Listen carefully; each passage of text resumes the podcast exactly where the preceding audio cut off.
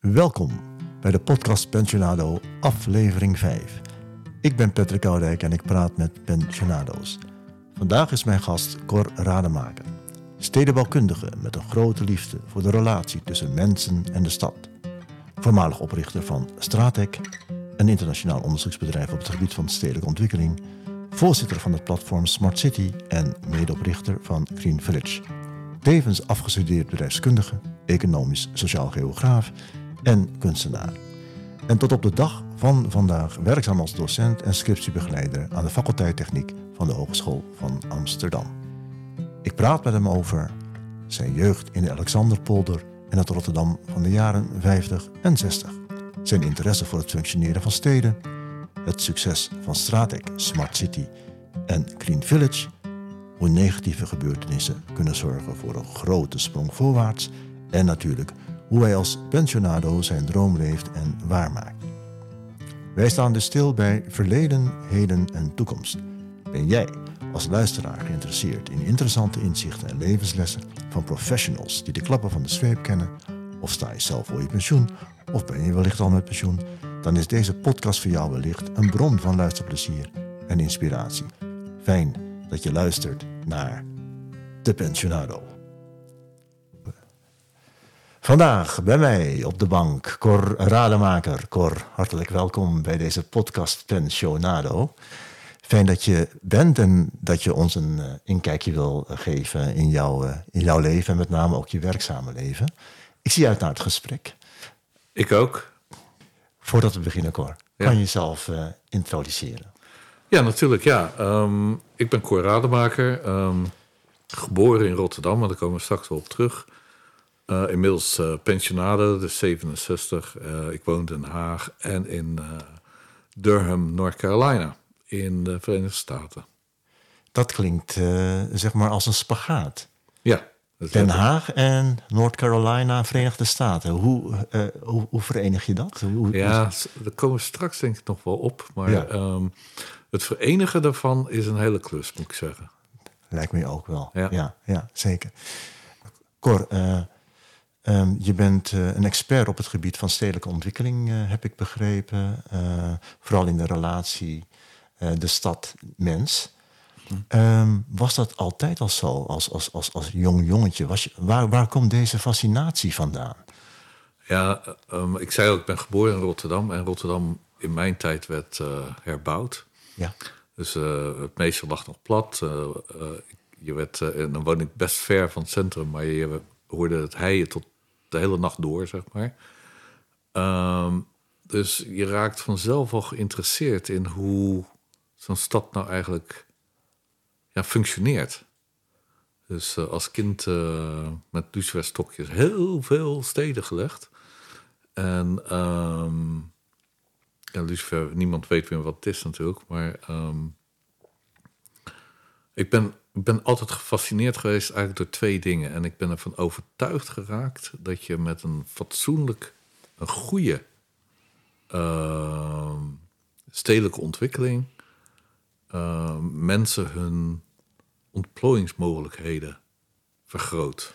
Toch, toch even terug naar, want dat vind ik ja. zo, zo interessant. Hè? Dan ben je, ben je een jong jongetje, inderdaad. Uh, Rotterdam lag eigenlijk in puin. Zoals ja, je dat, dat lag uh, zeker in puin, ja. Er werd ontzettend gebouwd toen jij uh, opgroeide. wanneer begon jij zeg maar, interesse te ontwikkelen voor het, het, bouwen? En, en tegelijkertijd ook die, die vraag te stellen van... goh, als ik op een bepaalde manier bouw, heeft dat een bepaald effect? Of heeft, wat voor effect kan ik daarmee ja, Dat is later gekomen natuurlijk. Maar het interesse in wat er allemaal ontwikkelde in Rotterdam... en ik denk dat dat voor iedere Rotterdammer van mijn leeftijd wel geldt. Um, te, om, om maar een voorbeeld te geven, ik, ik zat op, uh, op de kinderopvang. Hè, dat had je toen, voordat ja. je naar de lagere school ging. Uh, toen, toen had je nog niet... Toen, toen ging je met zes, zeven jaar naar de lagere school. Mm -hmm. Ik met zeven. Um, Daarvoor zat je in een kinderopvang ergens. Ik zat bij, uh, ja, in, in, Krooswijk uh, bij, uh, bij een aantal zusters. En dan kwam op woensdagmiddag, was, was er vrij. En ja, mijn moeder werkte. Mijn, mijn, mijn ouders waren gescheiden al heel jong. Mhm. En dus mijn moeder moest werken. Dus die was er niet. En dan kwam mijn oma me halen. En dan gingen we met de tram de hele stad door. Tot Schiedam toe, helemaal aan de andere kant. Of van noord naar zuid. En, eh, en ik vond dat fantastisch. Ik, eh, ik, ik zat met mijn neus tegen het raampje geplakt. Dat, eh, ja, ja is, dat, dat, dat, dat heeft me altijd dus enorm geboeid. En om je heen zag je dat er ontzettend werd gebouwd. En, en dat Nou, niet was- alleen het bouwen, maar ook hele mooie gebouwen waren natuurlijk. En, ik vond het, sommige dingen interesseerden me gewoon. In, in, in Schiedam was er een passage en dat vond ik dan leuk als klein kind. Dat is echt, het zijn eerste herinneringen. Ja. Ehm, aan de andere kant had je ook heel veel landschap. Eh, ik, eh, ik woonde naast een boerderij met in die tijd gewoon alle dieren nog. Eh, koeien, paarden, varkens, kippen, schapen, alles. En allemaal ja, weiland eromheen. Tegenwoordig is het de goudkust van Rotterdam. Maar ehm, toen de tijd was het echt heel erg leuk. Met een vaart voor de deur, visjes vangen. Ook heel veel zeg maar, inzicht in, ja, moet je zeggen, de natuur. Hè? Je speelde ook heel veel in ja, bomen klimmen, eh, vuurtjes stoken, al dat soort eh, grappen.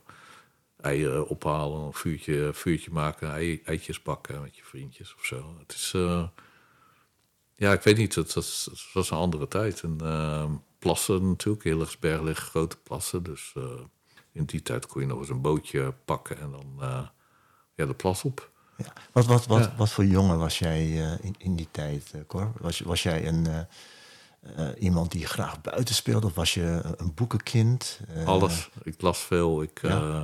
ik speelde veel buiten. Er was ook natuurlijk...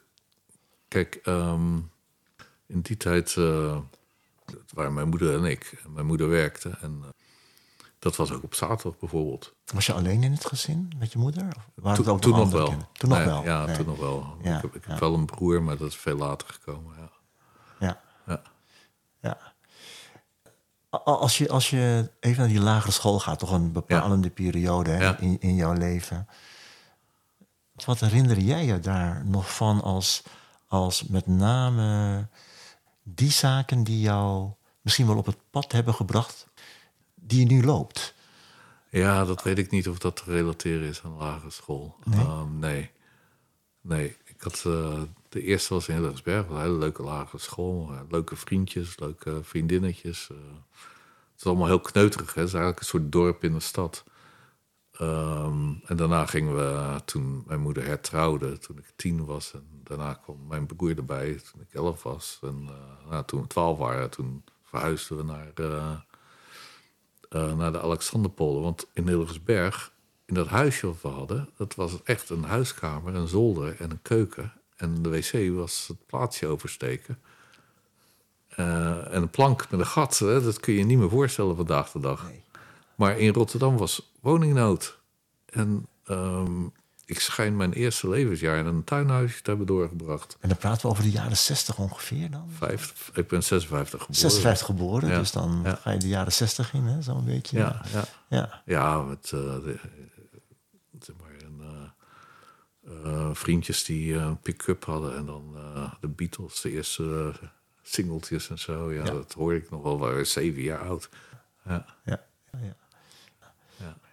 Dus ehm, ja, het is een heel andere tijd. Het was, was, was wel een, een spannende tijd, denk ik. Eh, ook in de Alexanderpolder, dat werd nog helemaal gebouwd. Hè. En, het verzakte natuurlijk als een gek. Het is het laagste punt van Nederland. En wat bedoel je dan met, met spannende tijd? In, in, in, in Nou, welke de- context eh, praat je dan? Nou ja, ehm, je, je, je kon rondzwerven. Ja, ja. Dat is iets wat je nu niet meer kunt. Er waren weilanden. eh, in de winter ging je schaatsen ergens. Dan was je zeven, acht, negen jaar. Ja, je laat je kind van negen jaar nu niet meer eh, de straat uitgaan, zeg maar. Dus het is, ja, het was, het, ik weet het niet. Het was misschien net zo gevaarlijk, alleen werd het niet zo gezien als gevaarlijk, denk ik. Achteraf, hè, Ja. he- heb je daardoor juist die, die creativiteit ontwikkeld die je nodig hebt om dingen met elkaar te connecten? Nou, of de creativiteit is, weet ik niet, maar wel als je. Je leert wel op je eigen benen staan. Zelfstandigheid meer. Ja, Ja. ja. Ja, ik denk dat dat wel belangrijk is. En ehm, ja, ik, mijn jeugd valt in twee delen uiteen: een hele leuke en een minder leuke. En, ehm, en ik denk dat beide hebben bijgedragen aan eh, hoe ik eh, eigenlijk door het leven ben gefietst. Om het zo maar te zeggen. Ja, en, en hetzelfde met Rotterdam eigenlijk. eh, het was in het begin echt eh, niet de mooiste stad van de wereld. Het is, eh, en, ja, het is toch, toch heel hard werken, heel veel doen, heel veel inzicht. Is die stad toch wel geworden wat het geworden is. Ja, ja. Kan je, kan je ons meenemen naar de lagere school? Dan, dan, dan, dan kies je voor een middelbare school. En Ja. volgens mij is, is begin daar, eh, denk ik, ook wel iets van een beroepenoriëntatie. Of misschien, dat, dat mag je zelf straks uitleggen. Ik, ik stel me dat zo voor, maar het kan helemaal anders zijn gegaan. Maar eh, hoe ging dat? Dus dus je op die middelbare school en, en, en dan... En dan wat gebeurt er met Cor? Van dat, dat, dat, dat kleine jongetje wat, wat, wat gewend is aan veel vrijheid. eh, Een heel Nou, ander stadium. Hadden een hele leuke klas, moet ik zeggen. Dus, Ja. eh, en het was natuurlijk ook andere, ook, ook daarin. ehm, weet je, ik- wij waren het eerste jaar van die school in de, van, van, van eh Mammoetwet. Mammoetwet, ja. ja. Dus eh, de HBS bestond opeens niet meer. Het moest allemaal anders. En docenten moesten er ook enorm aan wennen. En ja, wij wisten niet beter natuurlijk. Maar toch hadden we relatief veel vrijheid. Dus eh, of je nou naar Nederlands ging... of dat je op de gang eh, ging zitten kaarten... eh, ja, dat, dat kon je gewoon doen zonder dat de, zeg maar, de, de conrector of zo langskwam... om te vertellen dat jij eh, even langs moest komen. Die, die, die vrijheid was er gewoon. Die vrijheid was er. Ja. Er- speelden bandjes op het dak van de school. En het, was, het was wel een, ja, wat dat betreft best wel een leuke school. en nou, wat, ik, ik tekende altijd erg veel. En eh, dat deed ik ook op de middelbare school. En ik, had een, eh, kreeg een goede relatie met de tekenleraar. En die zei, eh, nou, jij moet naar de kunstacademie hier in Rotterdam. Toen gaf hij ook les. Ehm, dus ik kwam thuis ergens in de vijfde klas of zo. Ik zei, nou, ik, ik wil naar de kunstacademie. Nou, zei mijn moeder, dat is prima, maar eerst ga je een vak leren. En zo ging dat. En ehm, nou, wat voor vak wil je nou leren? Nou, ik wilde eigenlijk wel dan stedelijke ontwikkeling, stedenbouw gaan doen. Maar stedenbouw in die tijd was een hele technische aangelegenheid. Eh, mensen kwamen er niet in voor. Het, het, het, het, het was puur techniek. Architectuur ook.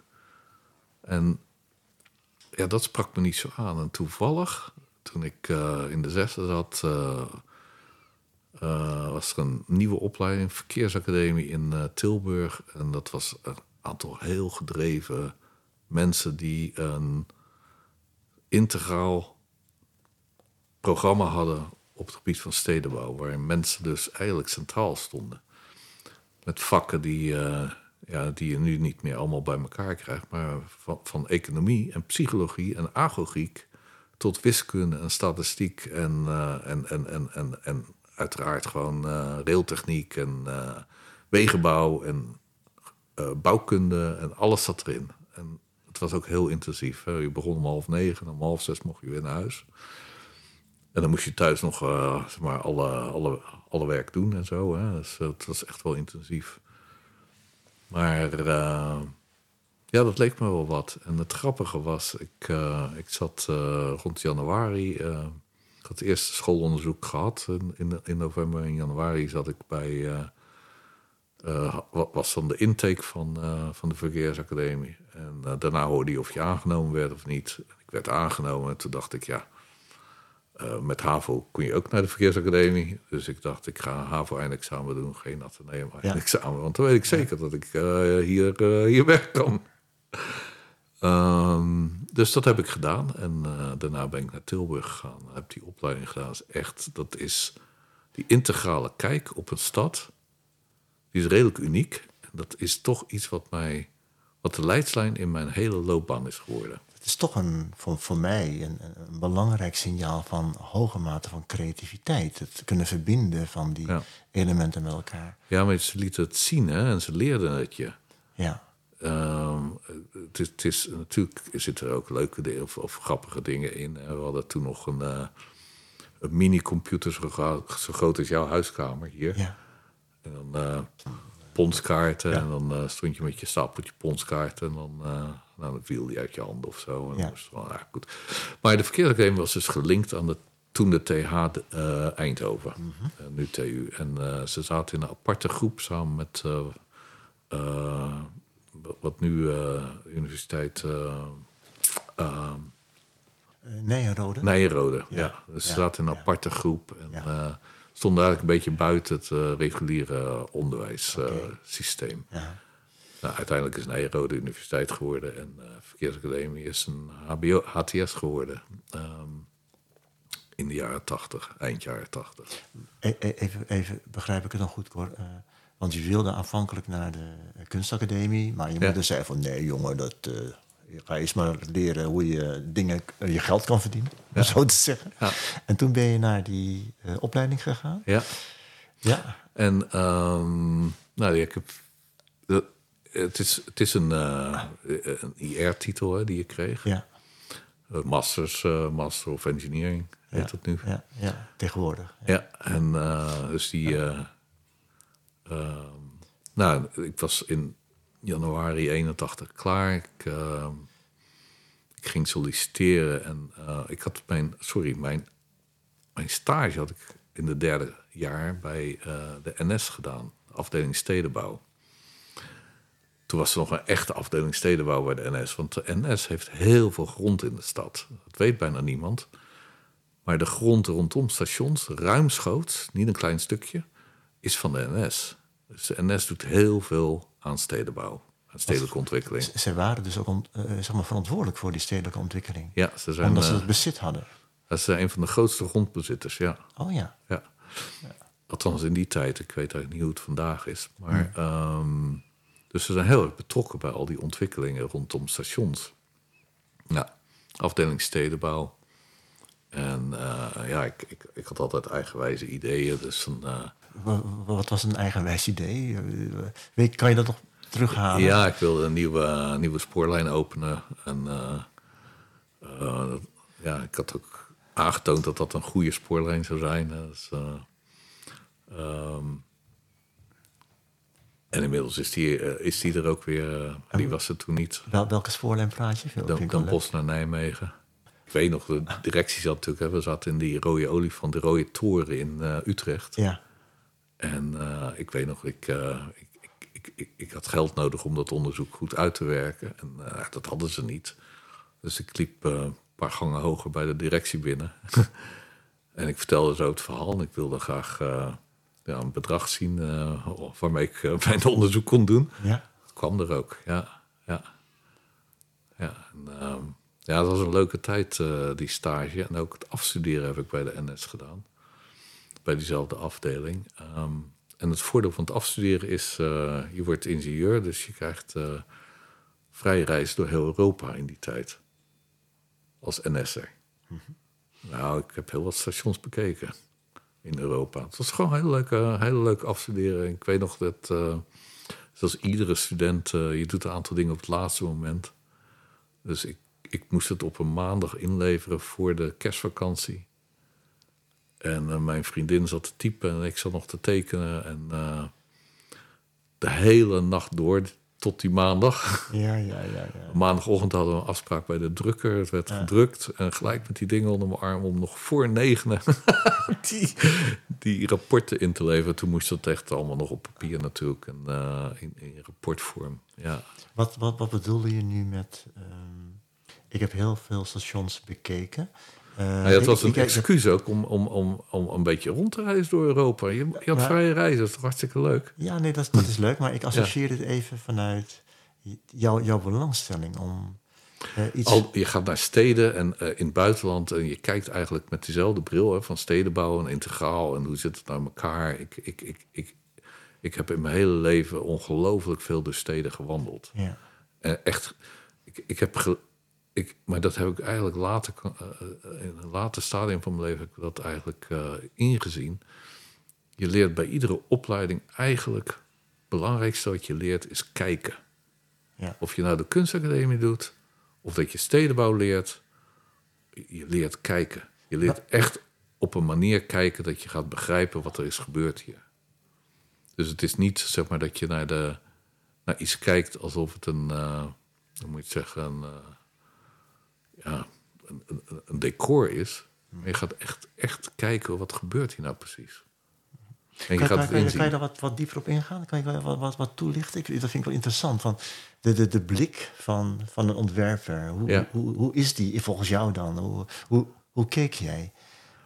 Nou, ik denk dat je moet begrijpen hoe dat allemaal functioneert. En dan kun je ook ontwerpen. En functioneert eh, eh, Met mensen. Met mensen. Dus je ziet, je ziet hoe, hoe mensen ruimte gebruiken of zo. En, eh, Ja. Ehm, mijn bedrijf later heeft een keer bijvoorbeeld onderzoek gedaan voor, eh, in Amsterdam voor eh arenaterrein. En op het arenaterrein zou een, eh, een shoppingcenter komen. Ja. Maar ja, hoe ga je dat nou vormgeven? En hoe, hoe, hoe, hoe moet dat goed functioneren? Dus we hadden van de ING, eh, die was de financier, eh, hadden we opdracht gekregen om dat, eh, die was ook de ontwikkelaar, om, de- om, om, om daar eh, onderzoek naar te doen. En een van de dingen die we hebben gedaan, was maar één ander, destijds één ander shoppingcenter bij een station. En dat was in de Alexanderpolder, bij eh, station Alexander. En we hebben gedaan eh, naast interviews en, eh, en, en vragenlijsten ook camera's opgehangen. We hebben gekeken hoe lopen mensen door het, door het pand heen. Hoe lopen ze, welke, hoe kijken ze, Wa- waar, welke ramen kijken ze in. Eh, wat trekt hun aandacht, wat trekt niet hun aandacht, wat is hun route die ze lopen. Over welk jaar praat je dan, Cor? Ehm wat zal 19... Ja, dat is er- ergens, denk ik, eh, begin jaren 90 zijn geweest. 94 Dat of was zo. heel geavanceerd. Dat was heel, Ja. heel modern om dat op die manier te doen. Ja, ik denk eh, terug naar de opleiding. Eh, integrale kijk leert ook integraal dingen aanpakken. Ja. En ehm, eh, ja, dat, ik, maar we komen straks op het bedrijf, denk ik. Het is misschien wel handig om even een tussensprongetje. Ik, ik, ik moest natuurlijk solliciteren. En eh, mijn, eh, mijn ex, eh, mijn vriendin van destijds, eh, moest ook studeren. En die wilde bibliotheekacademie doen. En dat is in Den Haag. Dus, dus ik heb gesolliciteerd bij drie dingen in Den Haag. plus de NS. Maar ook bij Fokker en bij de HTM en bij de gemeente. En ik werd, het was toen geen goede tijd economisch. Het was eigenlijk een waardeloze tijd. Jaren tachtig, hè? Ook. Ja, 1980, 81. Was, eh, Ja. Economie was in 79 gigantisch ingestort. Ja. Huizenprijzen naar niks. eh, ja.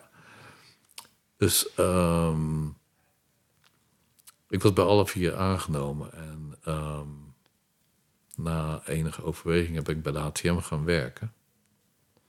De techniek eh, van, eh, van het openbaar vervoer vind ik buitengewoon interessant. En het is, het is een, ja, een hele belangrijke factor in steden voor de ontwikkeling van steden. Dus ik begon daar te werken en een halfjaartje later was ik adjunct-directeur bij de HTM. En, eh, Een half jaartje later. ja, Hoe heb je dat voor elkaar gekregen? ja. eh, Wat was, wat, was, wat was jouw bijzondere talent in dat geval? Kan je dat nu benoemen als je nu terugkijkt? nou, ik denk ehm, dat ik wat eh, leuke ideeën had en ook wel een goede aanpak van ja, hoe, hoe je, wat, wat, wat voor informatie heb je nodig, hoe maak je beslissingen, waar ga je naar kijken, hoe, hoe kijk je naar eh, de kaart, dat is ook heel belangrijk. Hoe kijk je waar, waar, waar, wat, wat, wat, wat voor lijnen net eh, moeten zijn, wat voor, ja, wat, voor, eh, wat voor service bied je eigenlijk aan de stad. En ehm, ja, ik weet niet hoe, hoe maar ik, ik had regelmatig overleg met. Ik werkte bij de afdeling vervoersontwikkeling, zoals het toen heette. En eh, ehm, ja, ik had regelmatig overleg met de directie. En ja, op een gegeven moment vroegen ze dat. Dus, eh, Geweldig. Ja. Ja. Maar dan heb je wel wat in de, in de pap te brokkelen en dan heb je opeens invloed. Nou, wat, wat, wat heel leerzaam is geweest, is eh, een van de langste stakingen die ooit in Nederland is geweest. Is in 82 geweest bij de HTM. En eh, toen was het nog heel ouderwets. Hè, dus de garage stond beneden van de bussen. En dan stond er een toren. En helemaal bovenin die toren zat de directie. Ik dus ook. En ehm, nou, het was de staking en dat ging met een hoop geschreeuw gepaard natuurlijk en zo. En, eh, en toen heb ik mijn eh, bureau van de directieverdieping midden in de garage laten zetten. En daar ben ik gewoon gaan werken die maanden. echt gewoon tussen de bussen, midden in de garage. Was dat uh, met een bepaalde bedoeling? Ja, tuurlijk, ja. ja dat, is, dat, dat is een die, die, er is bijna geen communicatie tussen directie en, en, en, en, en, en chauffeurs. Maar er zit dus onvrede. En er moet, op een of andere manier moet dat tot elkaar komen. Dus jij was het communicatieknooppunt op dat moment? Nou, het is meer een uitlaatpunt voor. Uh, want kijk, uiteindelijk gaat de discussie tussen de ondernemingsraad en, uh, en de directie. Maar het is een, het is een uitlaatpunt voor, voor, voor de bestuurders en het gevoel dat ze niet alleen staan. Dat er dus echt steun is door, van boven en dat er alleen een, een financieel geschil is, zeg maar. Ja. En, niet anders. Dus dat we echt luisteren naar ze. Ja, en, en wat nam jij zeg maar mee vanuit, vanuit die garage? Vanuit, vanuit dat in het centrum zitten en bereikbaar zijn, openstaan voor. Wat, wat, wat heb je zeg maar in gang kunnen zetten? Nou, ik weet niet wat ik in gang heb kunnen zetten. Maar wat wel belangrijk is, is dat uh, mensen het idee hadden dat er naar ze geluisterd werd. Dat wat ze tegenkwamen onderweg, wat voor ellende ze zien, wat voor uh, moeilijkheden ze thuis hebben, wat dan ook voor verhalen, dat er een, dat, dat er een luisterend oor was. En dat helemaal vanuit de directie. En natuurlijk, ik was maar een jong broekie. Uh, dus in het begin denk je, nou, wat is dat voor knulletje? En, Um, maar er is best wel veel respect uh, gekomen, over en weer overigens. En, uh, ja, in de loop der dingen heb ik ook uh, mijn busrijbewijs of groot rijbewijs gehaald. En ben ik, heb ik af en toe eens op die bus gereden toen ze weer reden. En, dus eindelijk was er een gevoel van, hé, hey, de directie weet ja, waarover ze praten. nou ja, ze zijn een van ons of wij zijn, een van, van hun. Ja, ja. ja dus, ja. En dat was wel heel belangrijk. Ja. En... Ehm, ja, nog vele jaren later, uh, als ik de bus of de tram nam, dan. Uh, ah, meneer Rademaker. En dat was, kwam er weer een heel verhaal. En ik, ja, het was ik al lang, al heel lang weg bij HTM. Ja. Ik heb er uh, tot 86 gewerkt. dacht, ja, ik, ik, ik moet toch. Hè, ik blijf hier mijn hele leven. Of ik ga wat anders doen. Ja. ja. En ik was nog jong, dus dan denk je, ja, ik moet toch nog een hoop leren. Ik ga wat anders doen. Ja. Dus dat.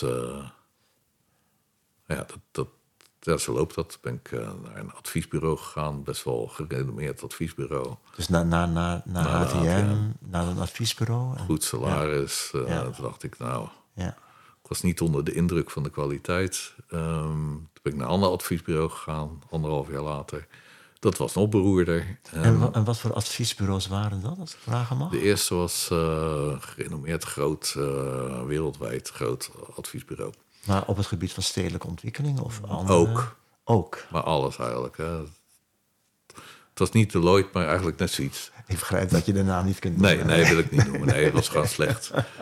Um, ze bestaan ook niet meer echt in die vorm. Oh, oké. Maar, um, ja. En, um, en toen ben ik naar een ander gegaan, die, die bestaat ook nog. En die werkt voor de, uitsluitend voor de overheid, voor met name ja, gemeenten, maar ook, ook, ook hogere overheden.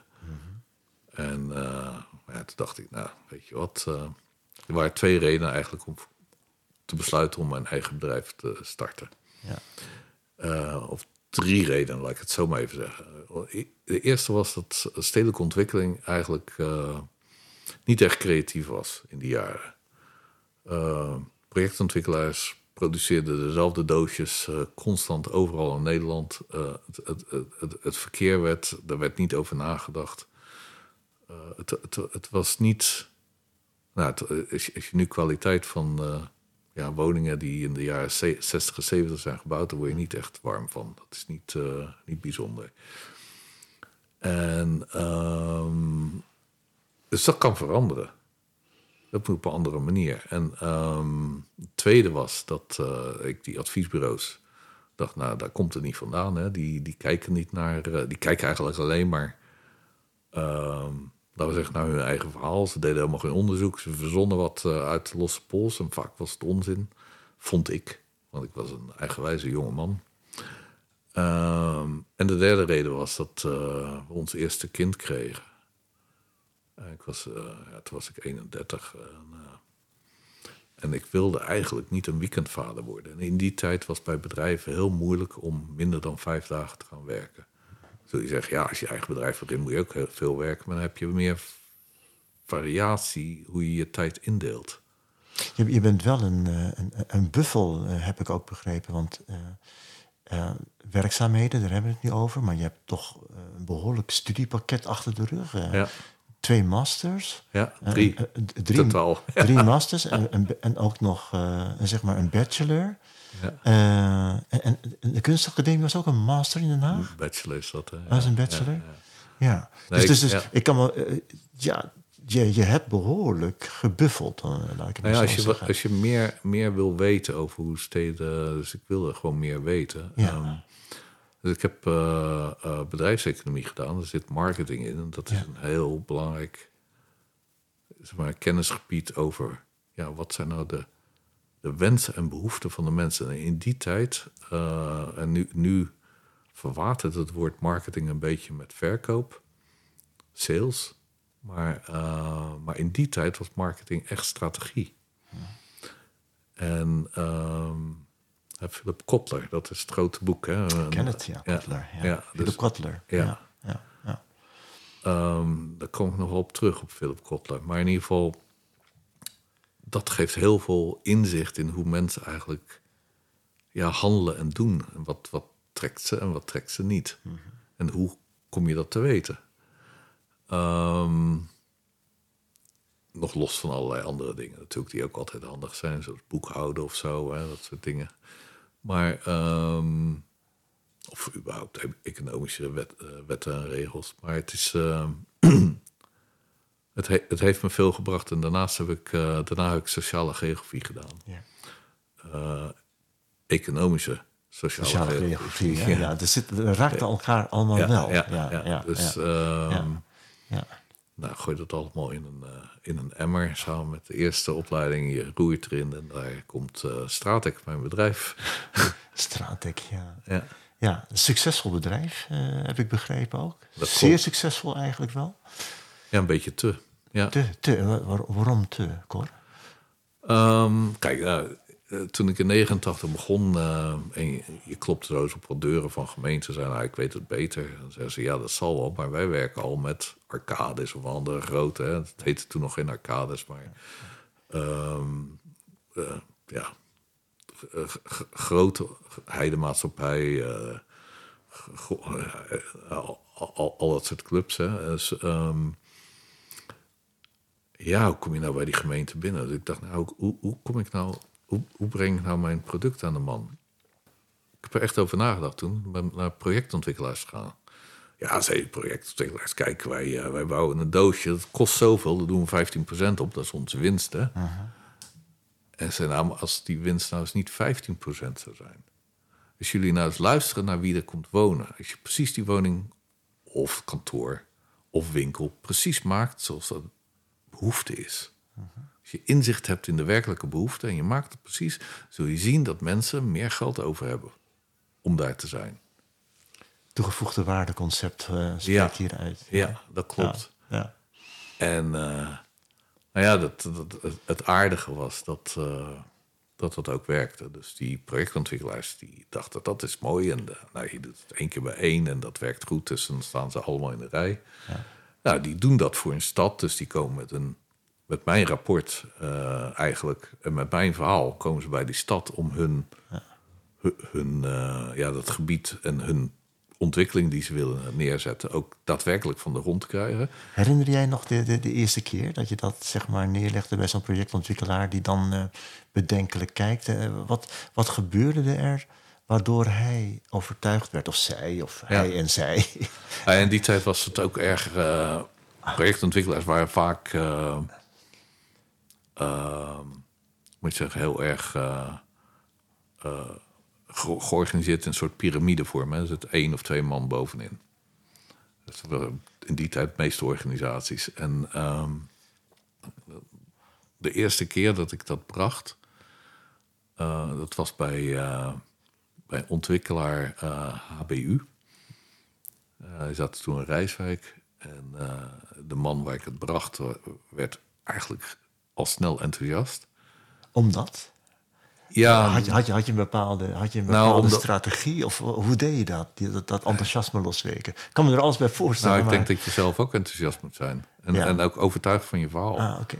En ehm, ja, het is natuurlijk wel uh, een leven geleden, dus precies weet ik het allemaal niet meer. maar ehm, het is, uh, zij gingen die projecten uitvoeren. En nou ja, er komen er meer projectontwikkelaars. Achter die projectontwikkelaars komen de financiers, uh, de PGGM, AWP, ING Bank. En, en dan denken die gemeenten, nou, dat werkt goed.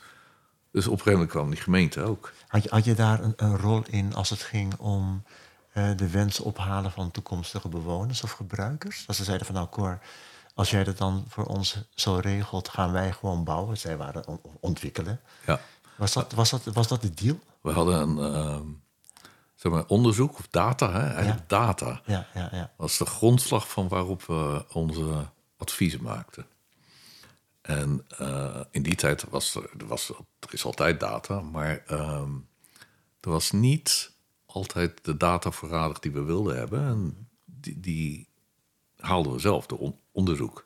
Nou, je hebt uh, verschillende methoden voor onderzoek en meestal combineerden we verschillende methodes. We hadden een uh, desk research methode, we hadden interview methode en we hadden een kwalitatieve methode.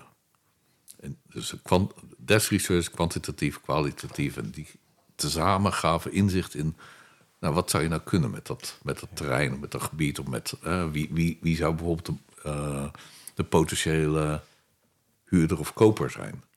Of wie zou uh, van, dat, van dat pand gebruik gaan maken? En nou waar komen ze vandaan? Waar gaan ze heen? Wat is hun sociale omgeving?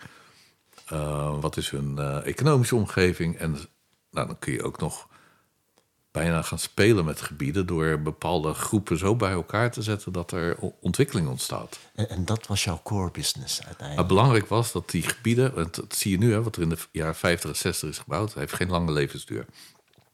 En wat de bedoeling was toen van echt, echt gebieden ontwikkelen die, ja, die, die coherent blijven, met voldoende diversiteit voldoende ontwikkeling en, uh, en eigenlijk zich, ja, dat, dat, dat, dat die gebieden eigenlijk zich blijven manifesteren en, en, en niet uh, in elkaar zakken, zoals uh, veel gebieden die dus in de jaren 50 of 60 zijn gebouwd. Belmer is een mooi voorbeeld.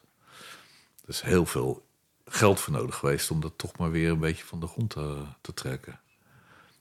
Um, dus zo, zo komen in iedere stad zeg maar, uh, voorbeelden waar we echt direct bij betrokken zijn geweest. Dus, dus, dus die, die, die eerste organisatie die van jouw diensten gebruik maakte, was ook de kikker om, om, om voor de rest, voor ja. de rest om zeg maar, dat idee te omarmen wat ja. je had. Ja. was op zoek naar wensen en behoeften van potentiële gebruikers. En dat rolde zo door, hè? want het gaat natuurlijk, uh, je begint bij die woningen of projectontwikkelaars, woningen, kantoren, winkels, vastgoed dus.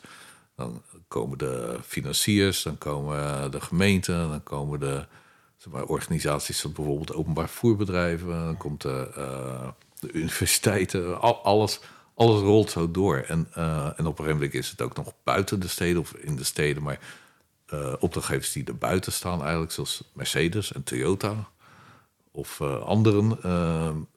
ja, het, werd gewoon steeds groter. Wat, ja. wat, wat was nu de belangrijkste uitdaging achteraf. Hè. Je kijkt nu terug op die enorme ontwikkeling.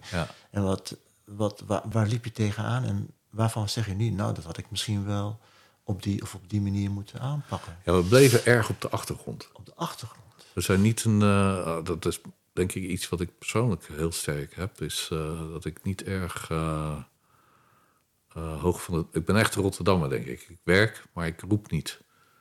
Dus ik. Gewoon mouwen omhoog stropen, ja, we gaan, niet, we gaan niet vertellen hoe, hoe geweldig we constant zijn. Uh, het, ja, uh, geen poeha, geen, uh, geen gedoe. Je zegt gewoon precies wat, wat er moet gebeuren. Je werkt en, en het project afgerond is het afgerond, klaar. Maar dat, dat, heeft, dat heeft je geen windeieren, zeg maar... zeg maar ja, die windeieren. ja.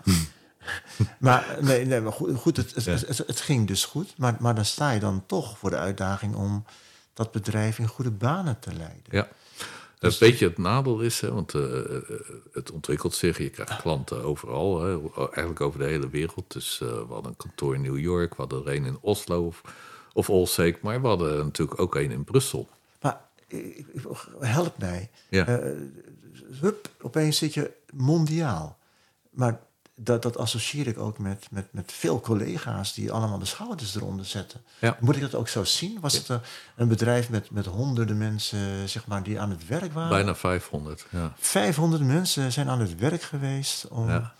In, uh, in 96 waren het er bijna 500. Dus uh, we begonnen in 89. Zo. Ja. Zo. En allemaal rondom dat ene concept wat in jouw hoofd opborrelde.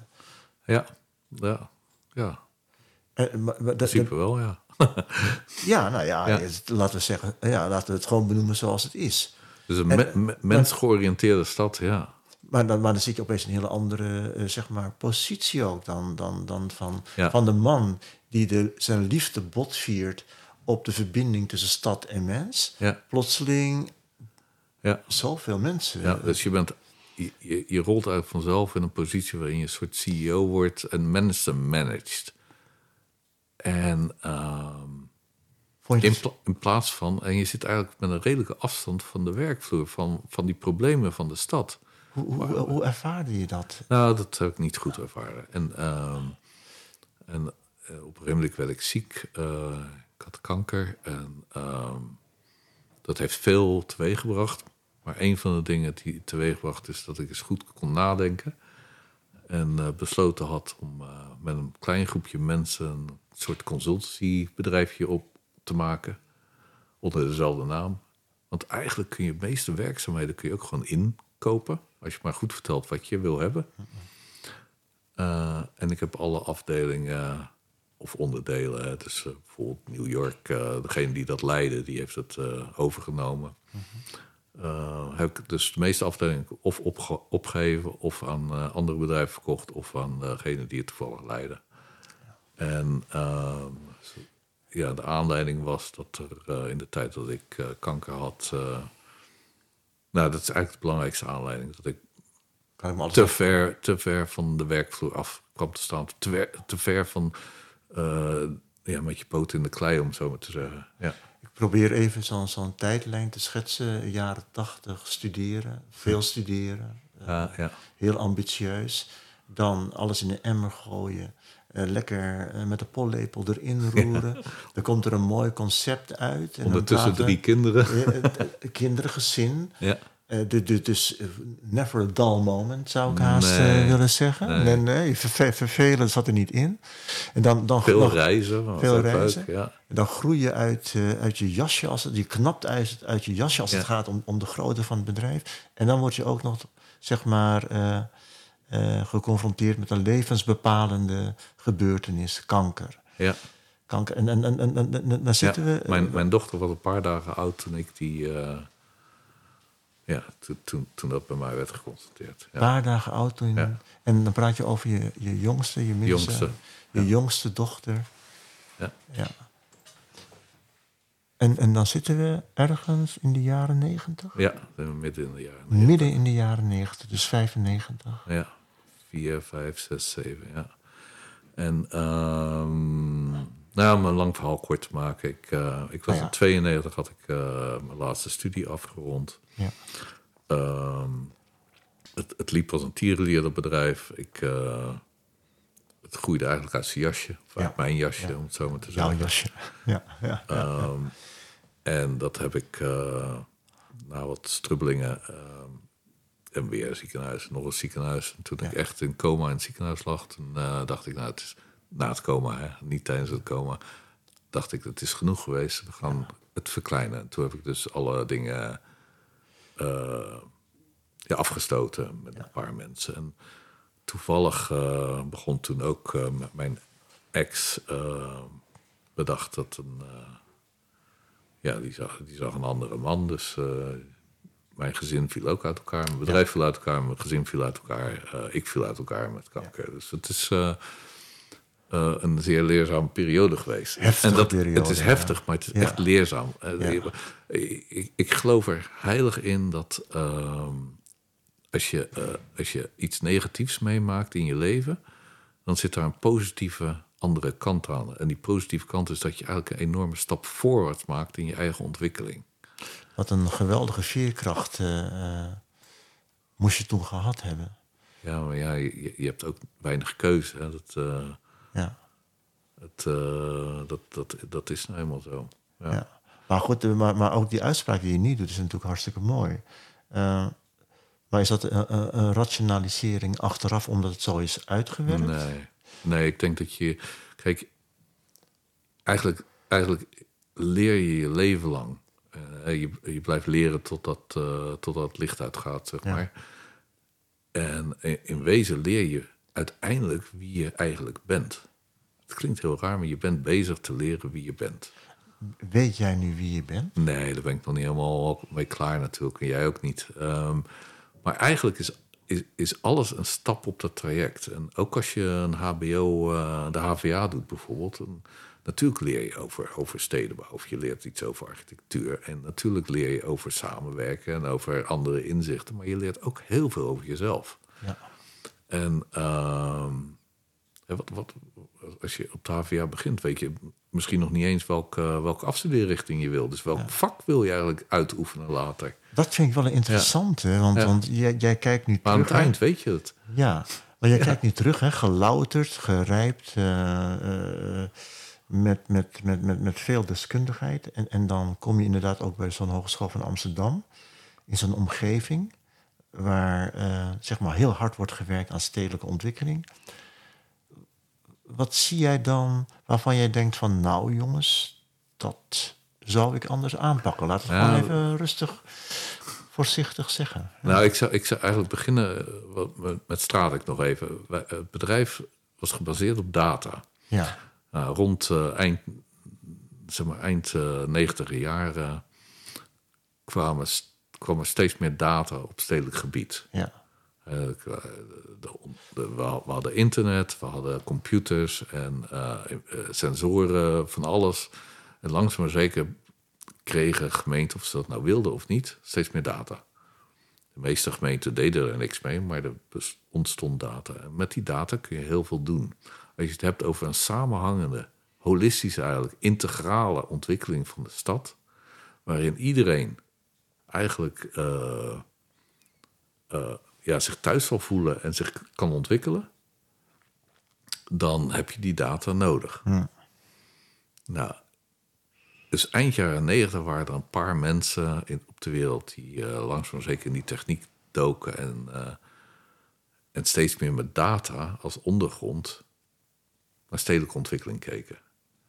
Ja, mijn bedrijf deed dat al. Dus uh, ik, met die paar mensen waren een soort eerste pioniers op het gebied van Smart City. En dat Smart City is heel erg prominent geweest in mijn leven. In de jaren, de eerste decade van, uh, van 2000. Mm -hmm. um, kwam, er kwam, het, het, het, neemt echt enorm toe. Hè. iedere vijf jaar of zo uh, verviervoudigd de hoeveelheid data in de stad. en de stad heeft, zeg maar, binnen die stad, binnen de stadsgrens uiteraard, uh, zo'n 60 of 70 procent van alle data in, in, zijn handen. Niet, niet Google en niet uh, eh, IBM of wie dan ook, hè, Microsoft. Gemeente heeft dat.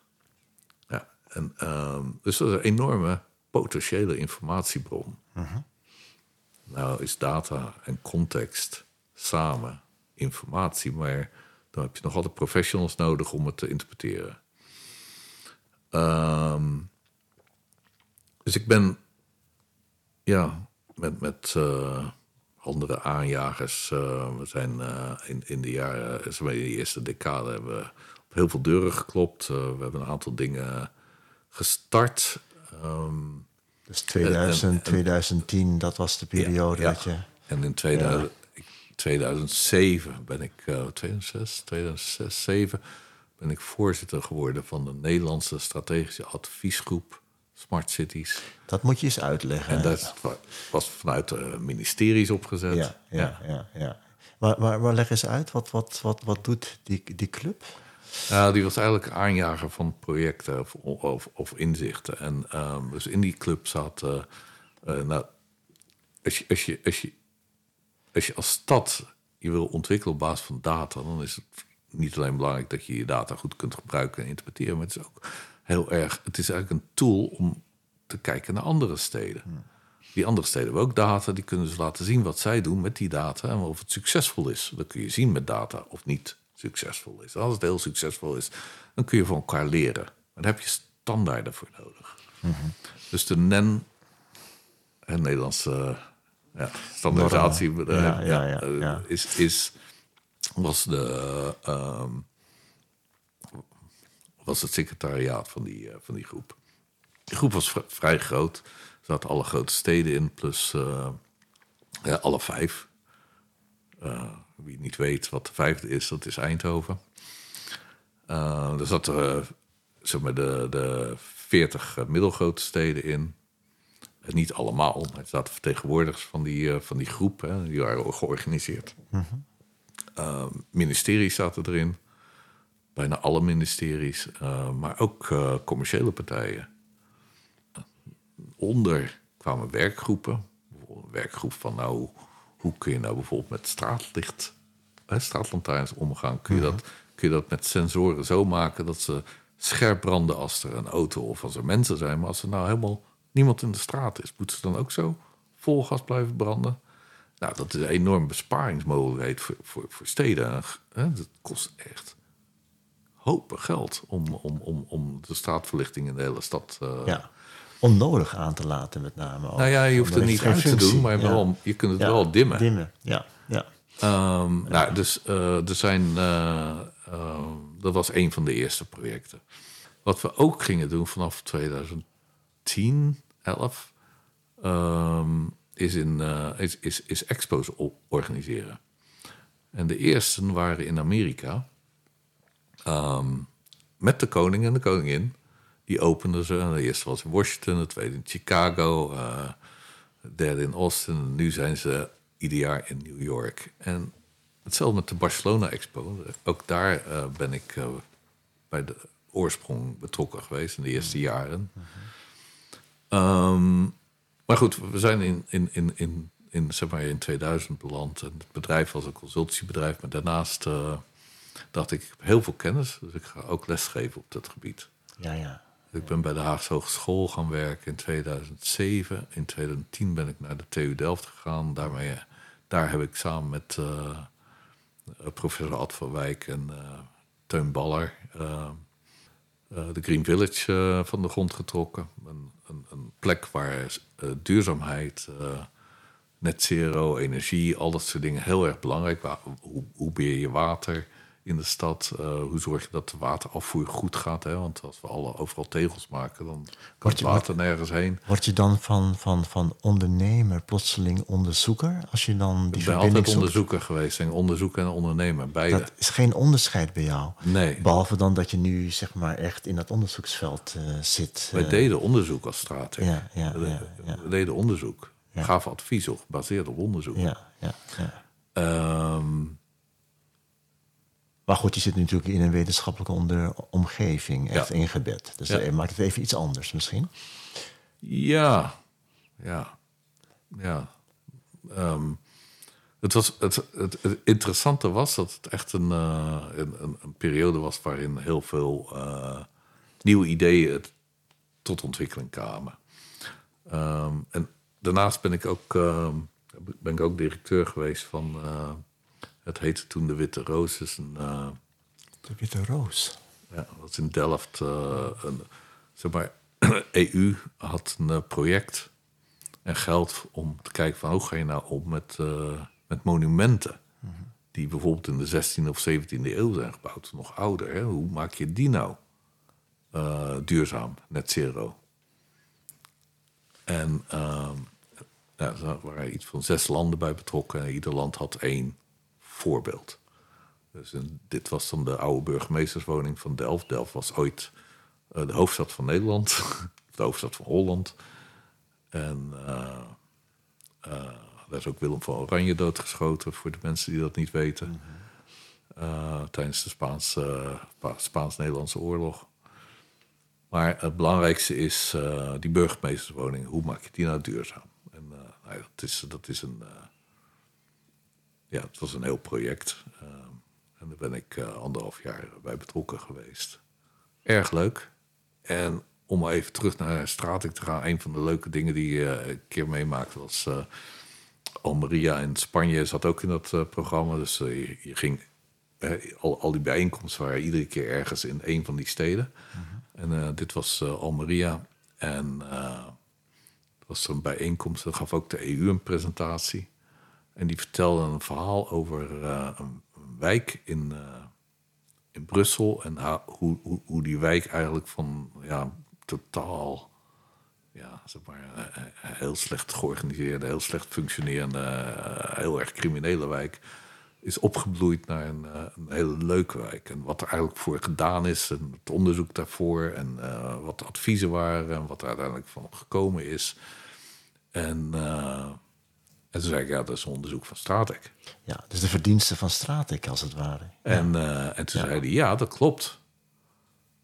Eh, hoe weet u dat? Ik zei, nou, dat is mijn bedrijf. Nou ja, Dus eh, dat was Ja. wel heel erg grappig. echt leuk. Ja, ja, ja. ja. Ja, Oh, meneer, toch? Ja, ja dat was wel heel erg leuk. Dus dat soort dingen kom ik nog steeds hier en daar wel eens tegen.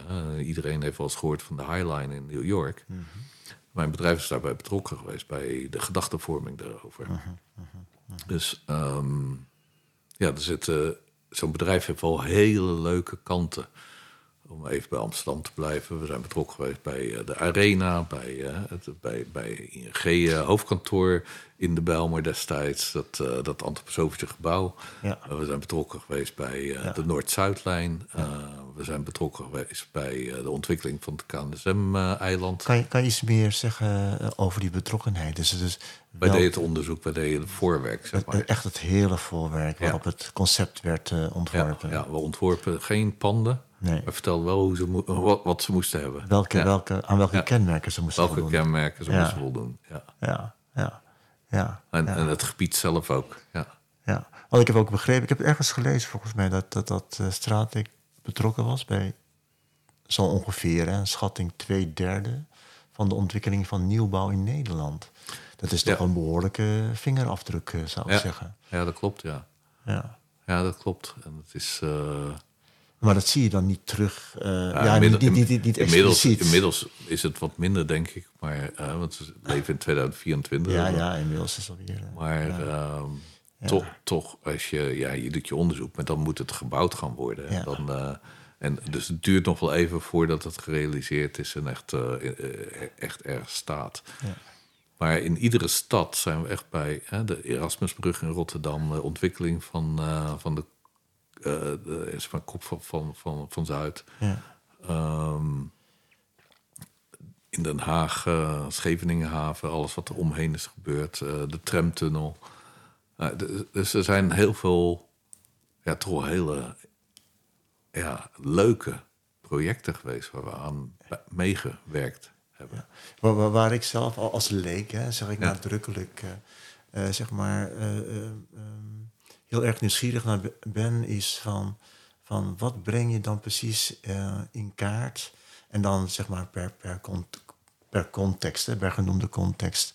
Bijvoorbeeld als je de Erasmusbrug eh, zeg Ja. maar eh, noemt, wat zijn dan de, dan, dan, dan de speerpunten die naar boven zijn gehaald om van daaruit te komen tot dat ontwerp Erasmus? Ja, nou, het ontwerp deden we niet. Nee, nee, niet ontwerp, maar... Maar, maar als, je, als je. Kijk, Zuid, Zuid ontwikkelde zich niet goed.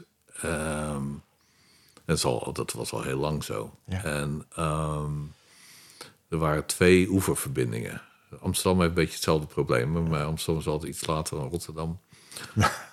Kamerkatten. Nee, dit soort dingen. Ik bedoel, eh, de, de Maastunnel is gebouwd in de dertiger jaren.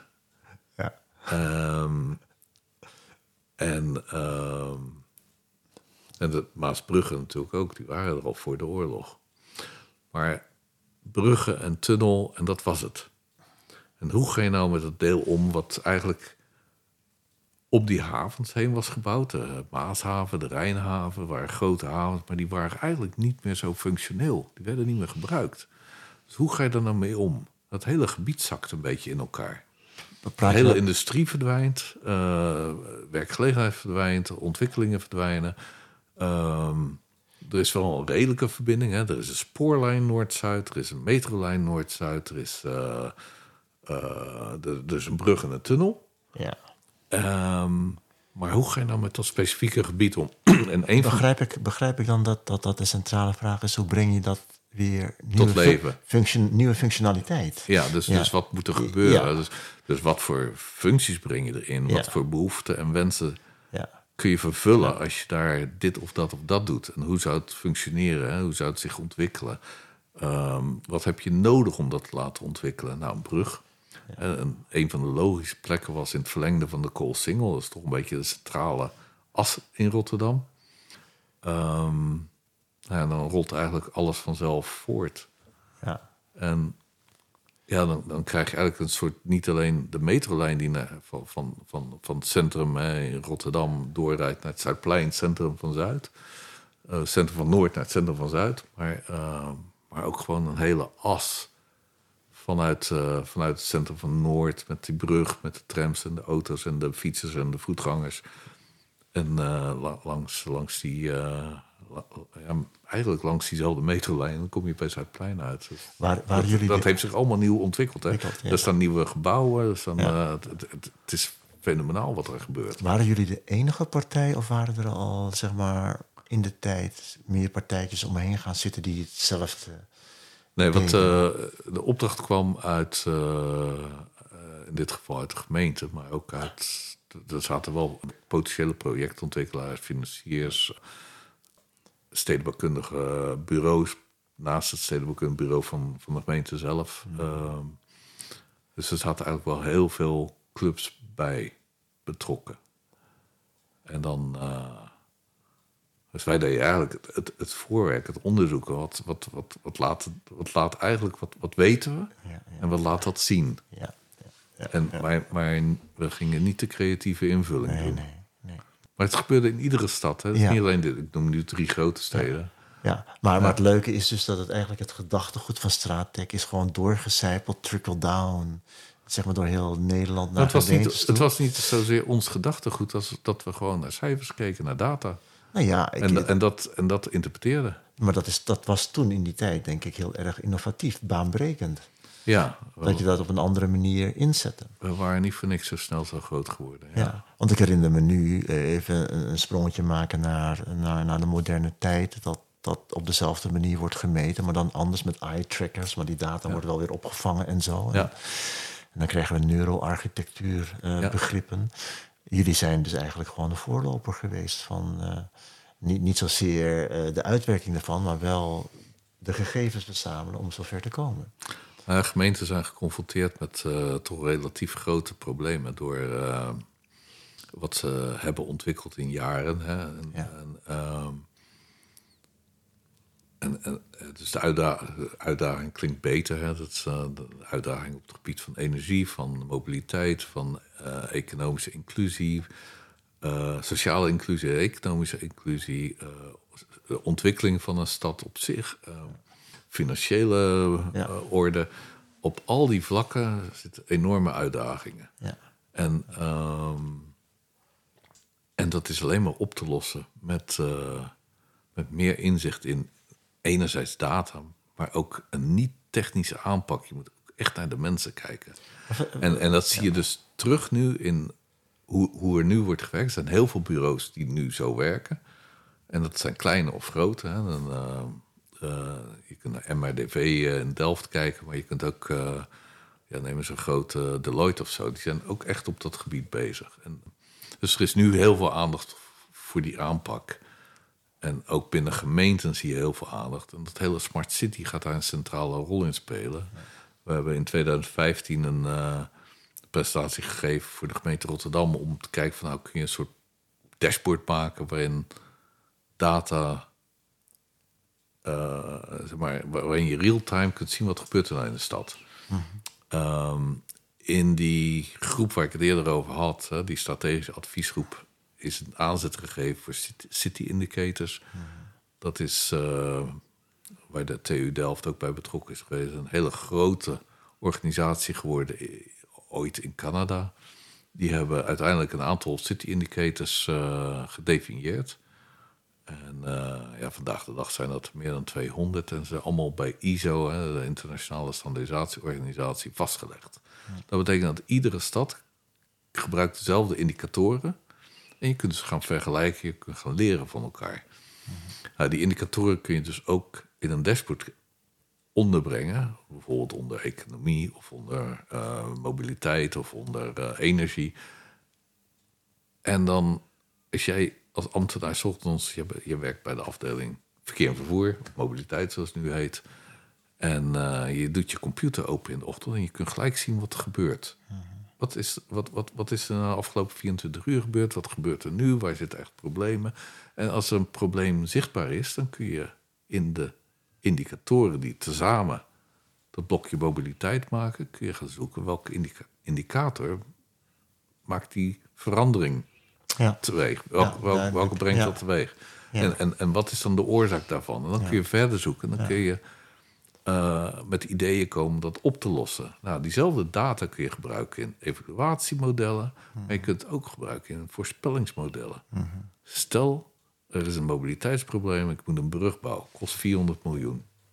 Hartstikke leuk. Nou, als ik nou 400 miljoen op een andere manier in de stad zou inzetten, doe sociale projecten of een combinatie van. Wat heeft nou het meeste effect voor mijn stad?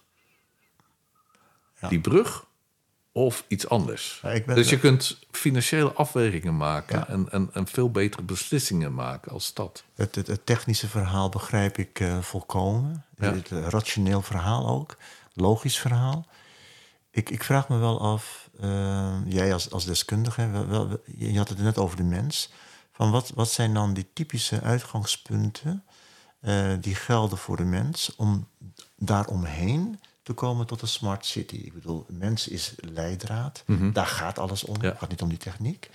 Dus kan je iets zeggen over, over die relatie? Nou, wat belangrijk is, denk ik, als je naar mensen kijkt, hè, van, uh, mensen komen uit verschillende achtergronden, verschillende wijken in de stad. En de mhm. ene wijk heeft meer mogelijkheden dan de andere. Mhm. Dus uh, kinderen krijgen betere mogelijkheden en de ene wijk dan in de andere. Nou, nu weet je dat globaal, maar je weet eigenlijk niet wat precies wat je zou moeten doen om die kinderen die minder mogelijkheden hebben, te voorzien van dezelfde mogelijkheden als die andere kinderen. En als je data hebt, heb je dat inzicht. Je kunt data op allerlei manieren inzetten. Je kunt ook gewoon, ik denk, je moet het kwalitatieve deel niet weglaten. Nee.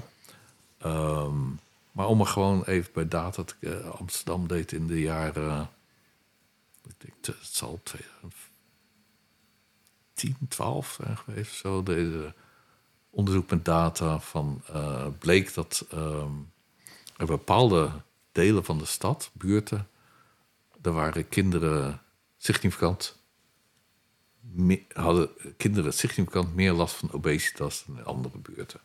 Dus hoe kwam dat nou? En uh, ze hebben een buurt eruit gepikt en uh, ze hebben gekeken naar waar zit de school. Wat zit er om die school aan voorzieningen? Ja, dat is één. Hè. Er zit een, uh, als daar snoepwinkels en frietzaken zo zitten, dan heb je al een probleem. Maar nog belangrijker bleek dat om die kinderen uit de buurt naar die school te brengen, dan moesten ze over hele drukke wegen. En dat deden ouders niet. Die ouders die brachten ze met de auto. Die kinderen leerden dus niet, of die leerden niet, die, die bewogen minder. Uh, ze konden ook in de buurt weinig buiten spelen, dezelfde drukte. Dus de gemeente heeft daar oplossingen voor bedacht. Althans in dat buurtje. Um, om dat, dat die kinderen veilig van huis naar school kunnen fietsen en weer terug. Op die manier kun je data ook inzetten. Het is heel, erg, heel erg gedetailleerd, een heel klein stukje. Maar het is wel erg interessant. En dat geeft gelijk ook aan.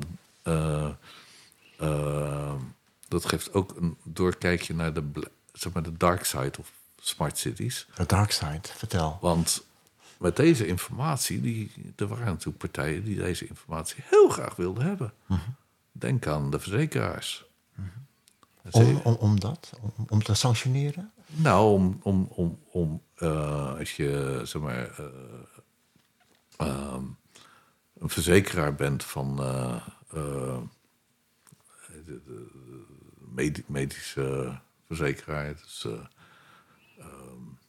je, je, betaalt ieder jaar nou, inmiddels 200 euro of zo. Ja. Maar misschien kun je dat wel diversificeren, denken ze. Hè? Dus als daar echt een probleem zit en je kunt zien dat die mensen meer beroep gaan doen op de medische wetenschap. Dus op de doktoren, op de ziekenhuizen misschien, op medicijnen of wat dan ook. Uh -huh. Later stadium. Uh -huh. Misschien kunnen we ze nu al meer laten betalen. Ja, ja, ja. ja dat is precies net niet wat je wil. Nee.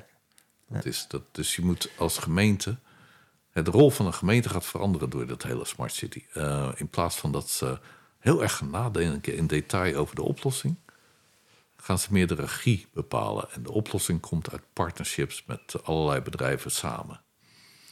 En, uh, en, en, de gemeenten moeten de regie gaan, gaan, gaan, gaan nemen. Is dat, is, is dat een wens, Cor? Of is dat iets wat je... Nee, dat, dat gaat het, absoluut gebeuren. Vanuit hoe het veld zich beweegt. Ja, het, uh, het, is, het is iets waar gemeenten nog niet aan toe zijn... maar wat absoluut gaat gebeuren. En, um, en met die regie gaan ze ook bepalen welke data...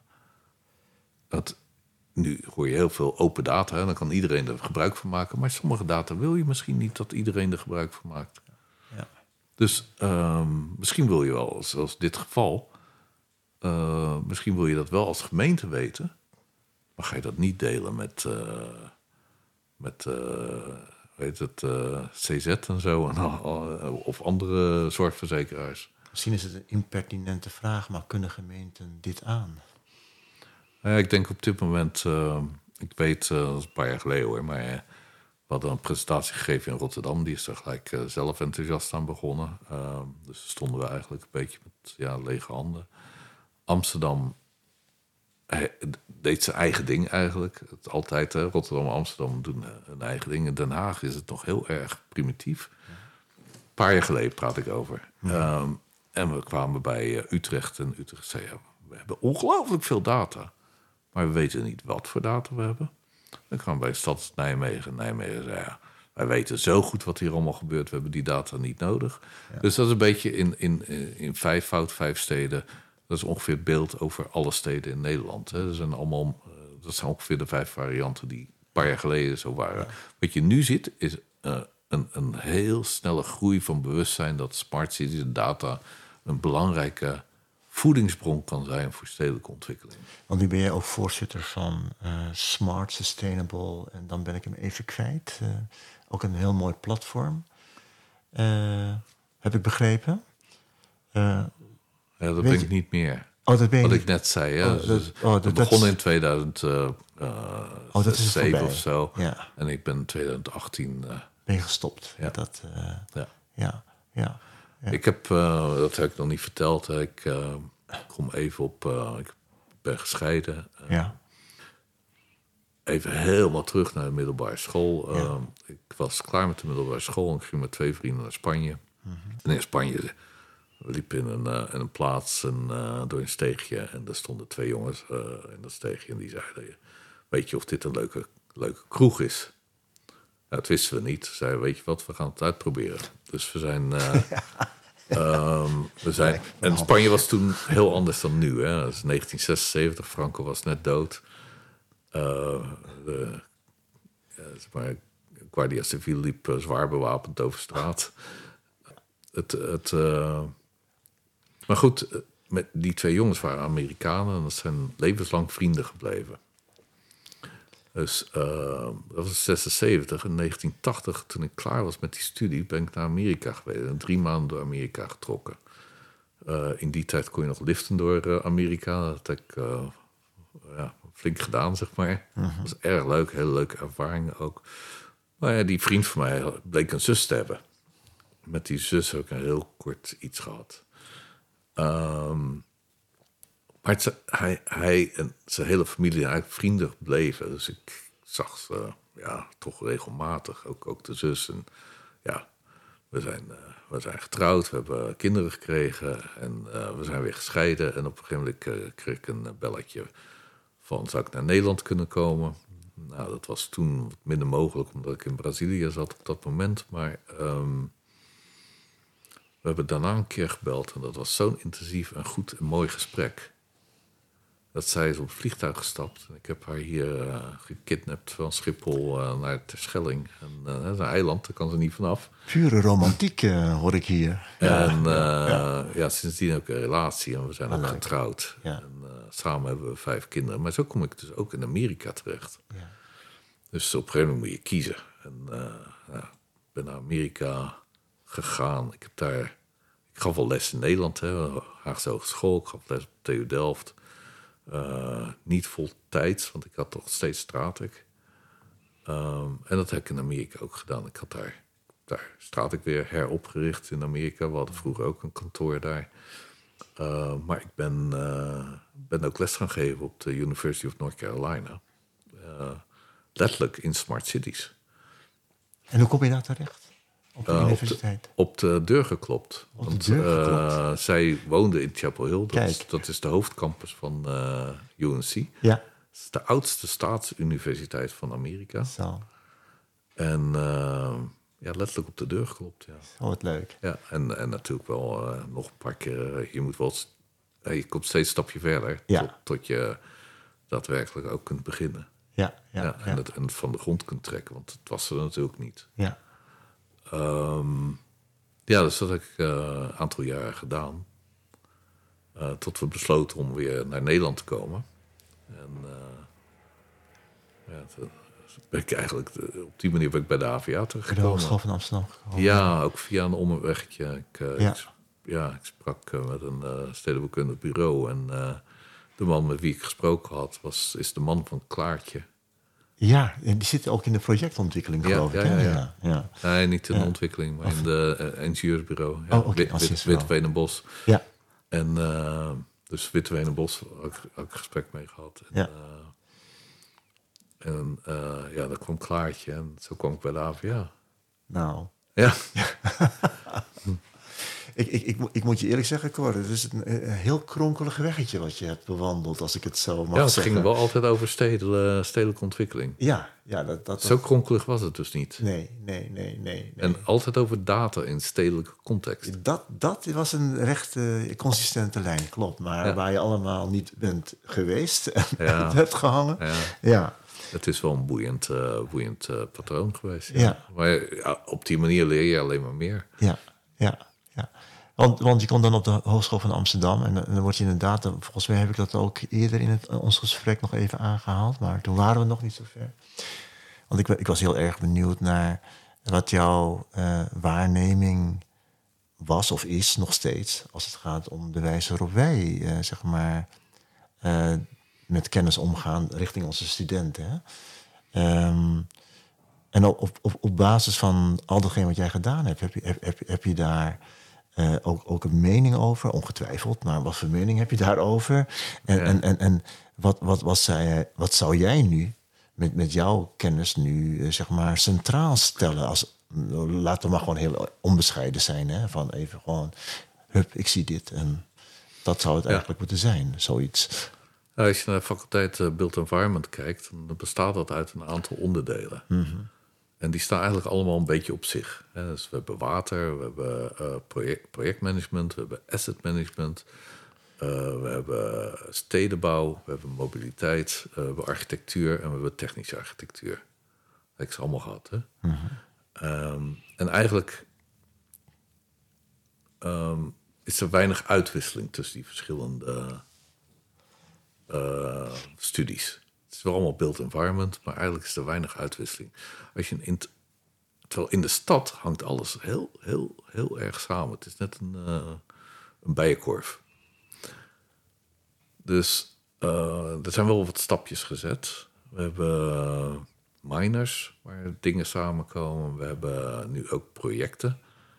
Dus we doen uh, eerstejaars krijgen vier keer een project in een jaar. En dat project dat is gebaseerd op twee van al die studies die ik net noemde. Dus uh, stedenbouw en mobiliteit zitten in één project. En op die manier leren ze wel dat er samenhang is tussen stedenbouw en mobiliteit.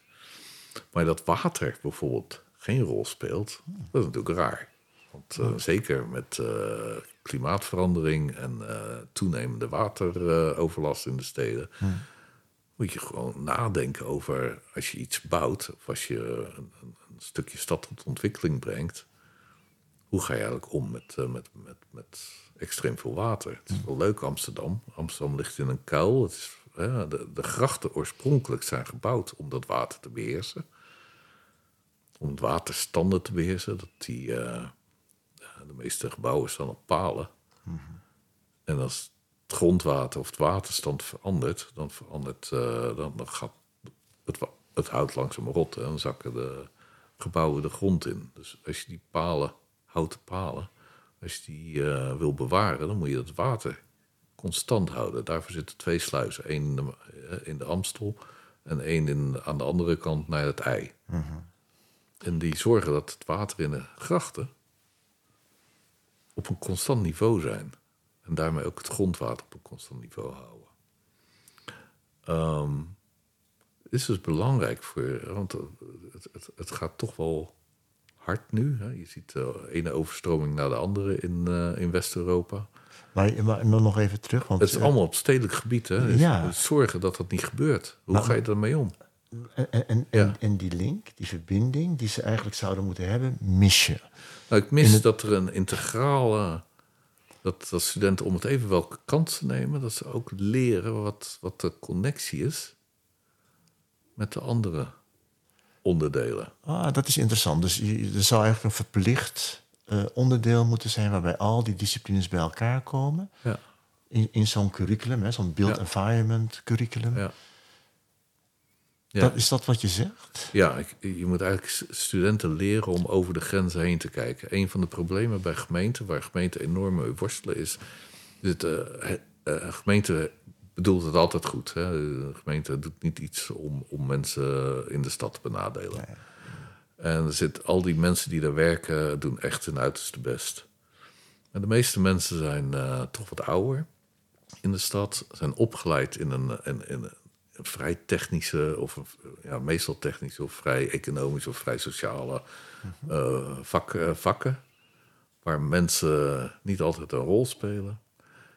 En ja, de, het, het, het, de samenhang is niet duidelijk voor deze mensen. Een, een, een, een, veel voorkomend, we hebben het net over project stedenbouw en mobiliteit.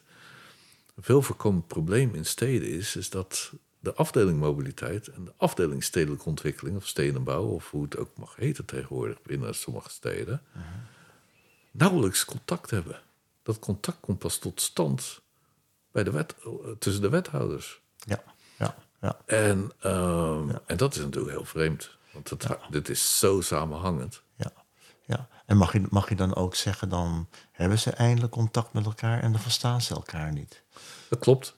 Ze leren verschillende ja, vocabulaire eigenlijk. Hè? Dat, is, uh, ja. ja, dat, is, dat is eigenlijk bij iedere. Die, die, opleiding bij de Haagse Hogeschool, waar we het over hadden, mm. commercieel ingenieur, was ook een integrale opleiding. Ja. Waarin heel veel kanten van de techniek werden gegeven. Mm -hmm. En heel veel kanten van de markt. Ja. En, en het inzicht in beide ja. maakt, geeft ze een brugfunctie tussen uh, zeg maar, de, de introverte en de extroverte kant van een bedrijf. Ja, ja, ja. ja. De, de project, productontwikkeling, product maken, dat soort dingen. En, en de verkoop en, en, en marktontwikkeling. Ja. Als je dan zeg maar, zeg maar vanuit dat uh, kader doorredeneert en, en, en je zou uh, zeg maar stedenbouwers uh, twee of drie goede adviezen onder de neus willen, onder de ogen willen brengen. Ja. Wat, ja, zo moet ik het eigenlijk zeggen. Ja. Wat, wat, wat zouden die dan zijn met, met, jou, met jouw kennis en achtergrond, jouw ervaring, je beleving? Nou, je kunt het alleen maar doen als je echt, echt uh, dit in. Uh, ik denk dat het in algemene zin zo werkt. Je, je moet problemen in de stad oplossen in, met, door samenwerking binnen de stad en buiten de stad met allerlei betrokken organisaties. Dus stel je voor dat je stedenbouwer bent, dan heb je. Een stad wordt nu met zoveel problemen geconfronteerd. Die stad wordt geconfronteerd met wateroverlast. De stad wordt geconfronteerd met met inclu- verdwijnende inclusiviteit. Hè. Dus steeds grotere verschillen. De stad heeft mobiliteitsissues. Um, energie. Um, we moeten CO2 en, en, en methaanvrij en nitraatvrij. En nou, er komt steeds meer bij. Uh -huh. Dus als jij een stuk stad wil ontwikkelen nu, dan heb je experts uit al die gebieden nodig. Ja. En die experts moeten ook leren om te luisteren en te kijken naar jouw belangen. Dus al die belangen die gaan, die spelen allemaal een rol bij je ontwikkeling. Ja. En uh, nog los van de sociale en economische belangen die een rol spelen. Dus er is erg veel, denk ik, op dit moment waar stedenbouwers mee rekening moeten houden. En dus het gaat er niet meer om dat, uh, dat we vragen aan het stedenbouwkundig bureau om een plattegrondje te tekenen waar uh, uh, ja, met, met, een omschrijving van de gebouwen die er komen en de omschrijving van de, van de verkeersafwikkeling. Dat, dat, dat suggereert toch een drastische herziening van zeg maar, hoe we nu de zaken ja, dus, aanpakken. Dus echt de regie ja. krijgen over ja. zo'n samengestelde groep. En daarmee de stad ontwikkelen. Als, als je nu. En daar zitten ook bewoners, bezoekers of bedrijven bij. Hè? De, de, de echte betrokkenen vanuit de stad. Ja. Ja. Even naar die student toe, want daar heb jij door jouw ervaring op de Haagse Hogeschool, maar ook Delft uh, en natuurlijk de Hogeschool van Amsterdam, ook een beeld van. Mm -hmm. als als je of praat, UNC. Ja, nou, maar als je praat over, over, over, studenten. Ja. Uh, uh, Zie, zie, zie, jij, zie, zie jij daarin ook een ontwikkeling als het gaat om hoe studenten zich bewegen en wat ze eigenlijk mee zouden moeten brengen en niet hebben, of wat ze wel meebrengen wat ze niet uh, zouden moeten hebben? Uh, heb, je, heb je daar ook, uh, zeg maar, een, een, beeld bij van, vanuit, vanuit jouw referentiekader? Nou, wat als, als ik naar studenten kijk, of eigenlijk naar deze tijd kijk, dan denk ik dat het voor jonge mensen ongelooflijk moeilijk is om keuzes te maken Mhm. Welke richting, welke kant ze op zouden willen. Um, er is een enorme zee aan mogelijkheden, een enorme zee aan opleidingen. Um, ik weet niet of dat allemaal goed is. En ik denk ja, ik, ik, ik, ik denk dat het voor studenten ook heel erg moeilijk is om. Uh, er, er zitten altijd, ieder kwartaal zitten er wel een paar bij, maar toch om, om een bepaalde gedrevenheid te hebben om iets te bewerkstelligen met hun leven. Ja. Het is heel erg moeilijk voor studenten nu om doelen te stellen. Dit wil ik, dit wil ik bereiken, dit wil ik worden, dit wil ik laten zijn. En als je dat, als, ja, je vervalt al gauw in de algemene dingen. Ik wil veel geld verdienen of ik wil. Uh, uh, je komt hetzelfde tegen dat studenten echt een duidelijk doel hebben. Met het naar de built environment of maar welke opleiding ook. En dat komt mede doordat opleidingen niet een heel duidelijk, duidelijk context meer hebben, maar eigenlijk veel te divers zijn. Zou, zou de opleidingen, wat voor opleiding dan ook, maar we hebben het hier over technische opleiding, meer moeten inzoomen op maatschappelijke aangelegenheden, belangen. Ja, ja zeker. En van daaruit vertrekken? Is dat... Ja, uh, ik denk dat opleidingen, net als die gemeente waar we het net over hadden, de ontwikkelingen gaan steeds sneller. Ja. Dus de aanpassing Hmm. moet ook steeds sneller. Hmm. Je kunt niet blijven staan van, nou, dit, dit doen we al twintig jaar zo, dus dat gaat toch goed. Ja. Je moet je aanpassen. En, uh, en dat zie je eigenlijk, ja, natuurlijk zie je dat bij steden, maar eigenlijk die opleidingen zijn nog belangrijker. Want het zijn de mensen van de toekomst die bij die steden gaan werken. Ja. ja. En, en, en die stad gaan vormgeven. Ja. Uh, dus het is, het is wel. Ja, het, het, het, het, is, het, is, het is natuurlijk altijd moeilijk als je met een achtergrond komt van een bepaalde opleiding. Je gaat lesgeven en, uh, en je doet het uh, op een bepaalde manier en het gaat altijd goed om dan te veranderen. Ja. Dat is geen, geen kinderzinnen.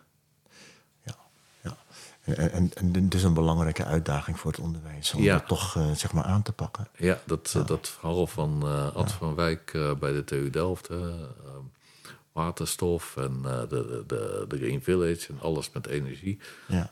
Daar kwam gewoon tegenwerking uit de TU Delft. Omdat er professoren waren die, ja, die zagen dit helemaal niet zitten. Het is allemaal luchtfietserij en ja. We doen het altijd zo, dus we doen het nog zo. En ja. het, het, het, het, het, is natuurlijk ook iets... Ja, um, er zit natuurlijk ook een, een zeker risico aan. Ja. En, en mensen zien het risico eerder dan. Hè, mensen zien in het algemeen risico's eerder dan de mogelijkheden. Ja, ja, ja. ja. Dat, is een, uh, ja, dat is een gegeven als het ware. Ja. ja. Um, we hebben nu uh, zeg maar. Uh, we zijn heel ver terug geweest. Toen, ja. toen Cor nog een kleine jongen was. even bij stilgestaan. We zijn naar de jaren tachtig gelopen. We hebben even de studies aangeraakt. Eh, interessante combinaties van studies, hè, als je er zo op terugkijkt. Ja. Dan, dan, dan het succes. Ja, de kunstacademie heb ik ook gedaan. Hè? Ja, ja, dat wil ik ook inderdaad. Daar zal ik nog even op terugkomen. En dan gaan we naar het succes van, van Stratec. En, en, de vele functies die je ook hebt vervuld in bepaalde platformen richting Smart City. Um, om van daaruit te komen tot het moment wat misschien toch wel levensbepalend is geweest, de ziekte, kanker, waar je heel goed doorheen hebt geslagen. Mhm. Je hebt je eh, herpakt in 2000 weer een nieuwe richting. In het decennium 2000, 2010 weer heel veel op de kaart gezet. En uiteindelijk, uh, zeg maar tussen ja, 2010 en, en 2018, toch meer uh, richting ook onderwijs opgeschoven, naast adviesfuncties en uh, diverse andere dingen. Uh, nu, ja, 67 en nog wat, hè. Pensioen. terugkijkend, al die opleidingen. Ja. en natuurlijk ook de wens om, en dat is je gegund, uiteraard de zaak, om, om met je partner nog heel veel leuke dingen te doen. Kan je iets zeggen over je, over je dromen nog? Wordt het schilderen? Wordt het, wordt het die heerlijke kunst, nou, die ongecompliceerde kunst? E-, e-, even terug naar de dromen. En dat is misschien wel goed. En uh, toen ik in 2012, 13 uh, in Amerika kwam... Ja. Uh, viel me op dat het, het, land waar ik in 1980 voor het eerst was... en wat echt voorliep op het gebied van duurzaamheid en, uh, en inclusiviteit. Het, het, land, het land, welk ja. land was dat? De Verenigde Staten. Verenigde Staten, oh, gewoon dat ja. eerst. Ja. Amerika. Amerika, oké. Okay. Ja. Dat liep nu achter. Oké. Er gebeurde bijna niks aan duurzaamheid. Right. Um, het land wat in 1980 iedereen al een warmtepomp had, is verder niks, niks veranderd. Hmm. Um, wij hadden in Europa ontwikkelden zich hele woonwijken die net zero werden. Uh, dus geen, geen energie meer gebruikten van een, uh, van een energiebedrijf. Maar hun eigen energie opwekten met zon, wind, water, wat dan ook. Hm. Ook in Nederland. En uh, in Amerika was er geen één. Er zijn wel hier en daar huizen die, zeg maar, zoals Amerikanen het noemen, net zero zijn. maar, maar e-, eigenlijk was er heel weinig. Nou, mijn vrouw is makelaar. Dus op uh, ze, wist, ze wist natuurlijk wat, uh, wat ik wilde. En uh, op een gegeven moment kreeg ze de verkoop van een stukje land. Dicht bij Chapel Hill, bij de stad. Heel mooi stuk land. natuur, meer, grootste beverdam van North Carolina. 55 acres. Dat zijn geen hectare, maar ja, toch een behoorlijk stuk land. En daar hebben we een woonwijkje voor ontwikkeld. Daar hebben we echt wel wat tegenwerking gehad, want we wilden het net zero maken, het hele woonwijkje. Ehm, maar nu is het bijna helemaal af. De laatste huizen moeten nog verkocht.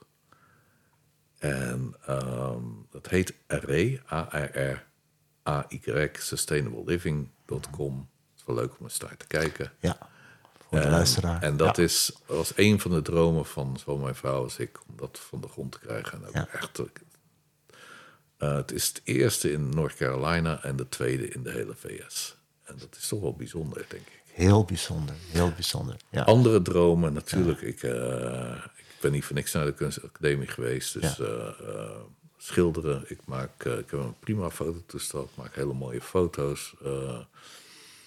Ik, uh, ik wil ook nog een keer een boek schrijven over mijn, mijn eigen leven en hoe ik eigenlijk de wereld zie. Um, een soort, uh, ja, voor, voor, de paar lezers die dat zouden willen lezen. Mm -hmm. Maar, um, en ik wil uiteraard nog heel veel stukken van de wereld zien. Want het, het, ja, je bent hier maar één keer en de wereld is zo ontzettend boeiend mm -hmm. en zo mooi. Zowel in stedelijke of dorpen, de, de, de, menselijke context als de natuur. Het is, uh, ja, ik, ik raak er nooit op uitgekeken, laat ik het zo maar zeggen. Mooi hoor. Ja. E even naar de, naar, naar uh, zeg maar de adviezen. Um, inspiratie, volgens mij um, ben jij een man van de inspiratie. Laat je ook niet uh, snel uit de cel slaan. Dat is, dat is ook de indruk die ik hier uh, in dit gesprek uh, heb opgedaan. Wat, wat voor adviezen heb jij voor die mensen die op zoek zijn naar, naar inspiratie? Um, nou, ik denk dat je vooral naar jezelf moet kijken. Naar jezelf kijken. Dus uh, wat zijn, als je uh, heel simpel gewoon door de tijd heen, wat, wat, wat zijn de dingen die je nou echt, echt boeien en aanspreken? Waar, waardoor word je getriggerd? En, en kun je daar iets mee? En zoek dan naar, ja, naar, naar, naar, naar, context die dat nog kan verrijken, zeg maar. Hè? Dus dat kan muziek zijn, dat kunnen teksten zijn, dat kunnen mensen zijn, dat kan eigenlijk van alles nog wat zijn. Je moet je eigen weg erin vinden. En, uh, en dat is niet zo eenvoudig. Maar ga echt. Ik, ik, zie het ook bij studenten, ze kijken vooral naar buiten. Hè, want, uh, nou, wat zijn de opleidingen? Wat kan ik mee verdienen? Wat kan ik mee doen? Wat kan, ze kijken niet wat, wat ligt nou echt bij mijn hart, -huh. bijvoorbeeld. -huh. Wat is nou datgene waar ik helemaal enthousiast van word? niet stoppen met zoeken en nee. je hartstocht ja. Laten en, spreken. En, en, en, denk niet van ik doe het, uh, dat, dat verdient niks, want dat is niet zo. In de jaren 30 en 40 waren, waren er helemaal geen goede opleidingen of zo. En dan ging het om mensen schilderen of, uh, of muziek maken. En het is een van de rijkste perioden wat uh, kunst betreft. Mhm. -huh. En die mensen, ja, er komen ook Picasso's vandaan en zo. En de mensen die echt multimiljonair zijn geworden. Dus het is, het is dus je, doe wat je hart je ingeeft. En gegeven moment zul je zien dat het ook jou weer wat geeft. Dat het echt teruglevert. Kijk aan. Ja. Was getekend, Cor Rademaker. Cor, hartelijk dank voor dit uh, geanimeerde gesprek.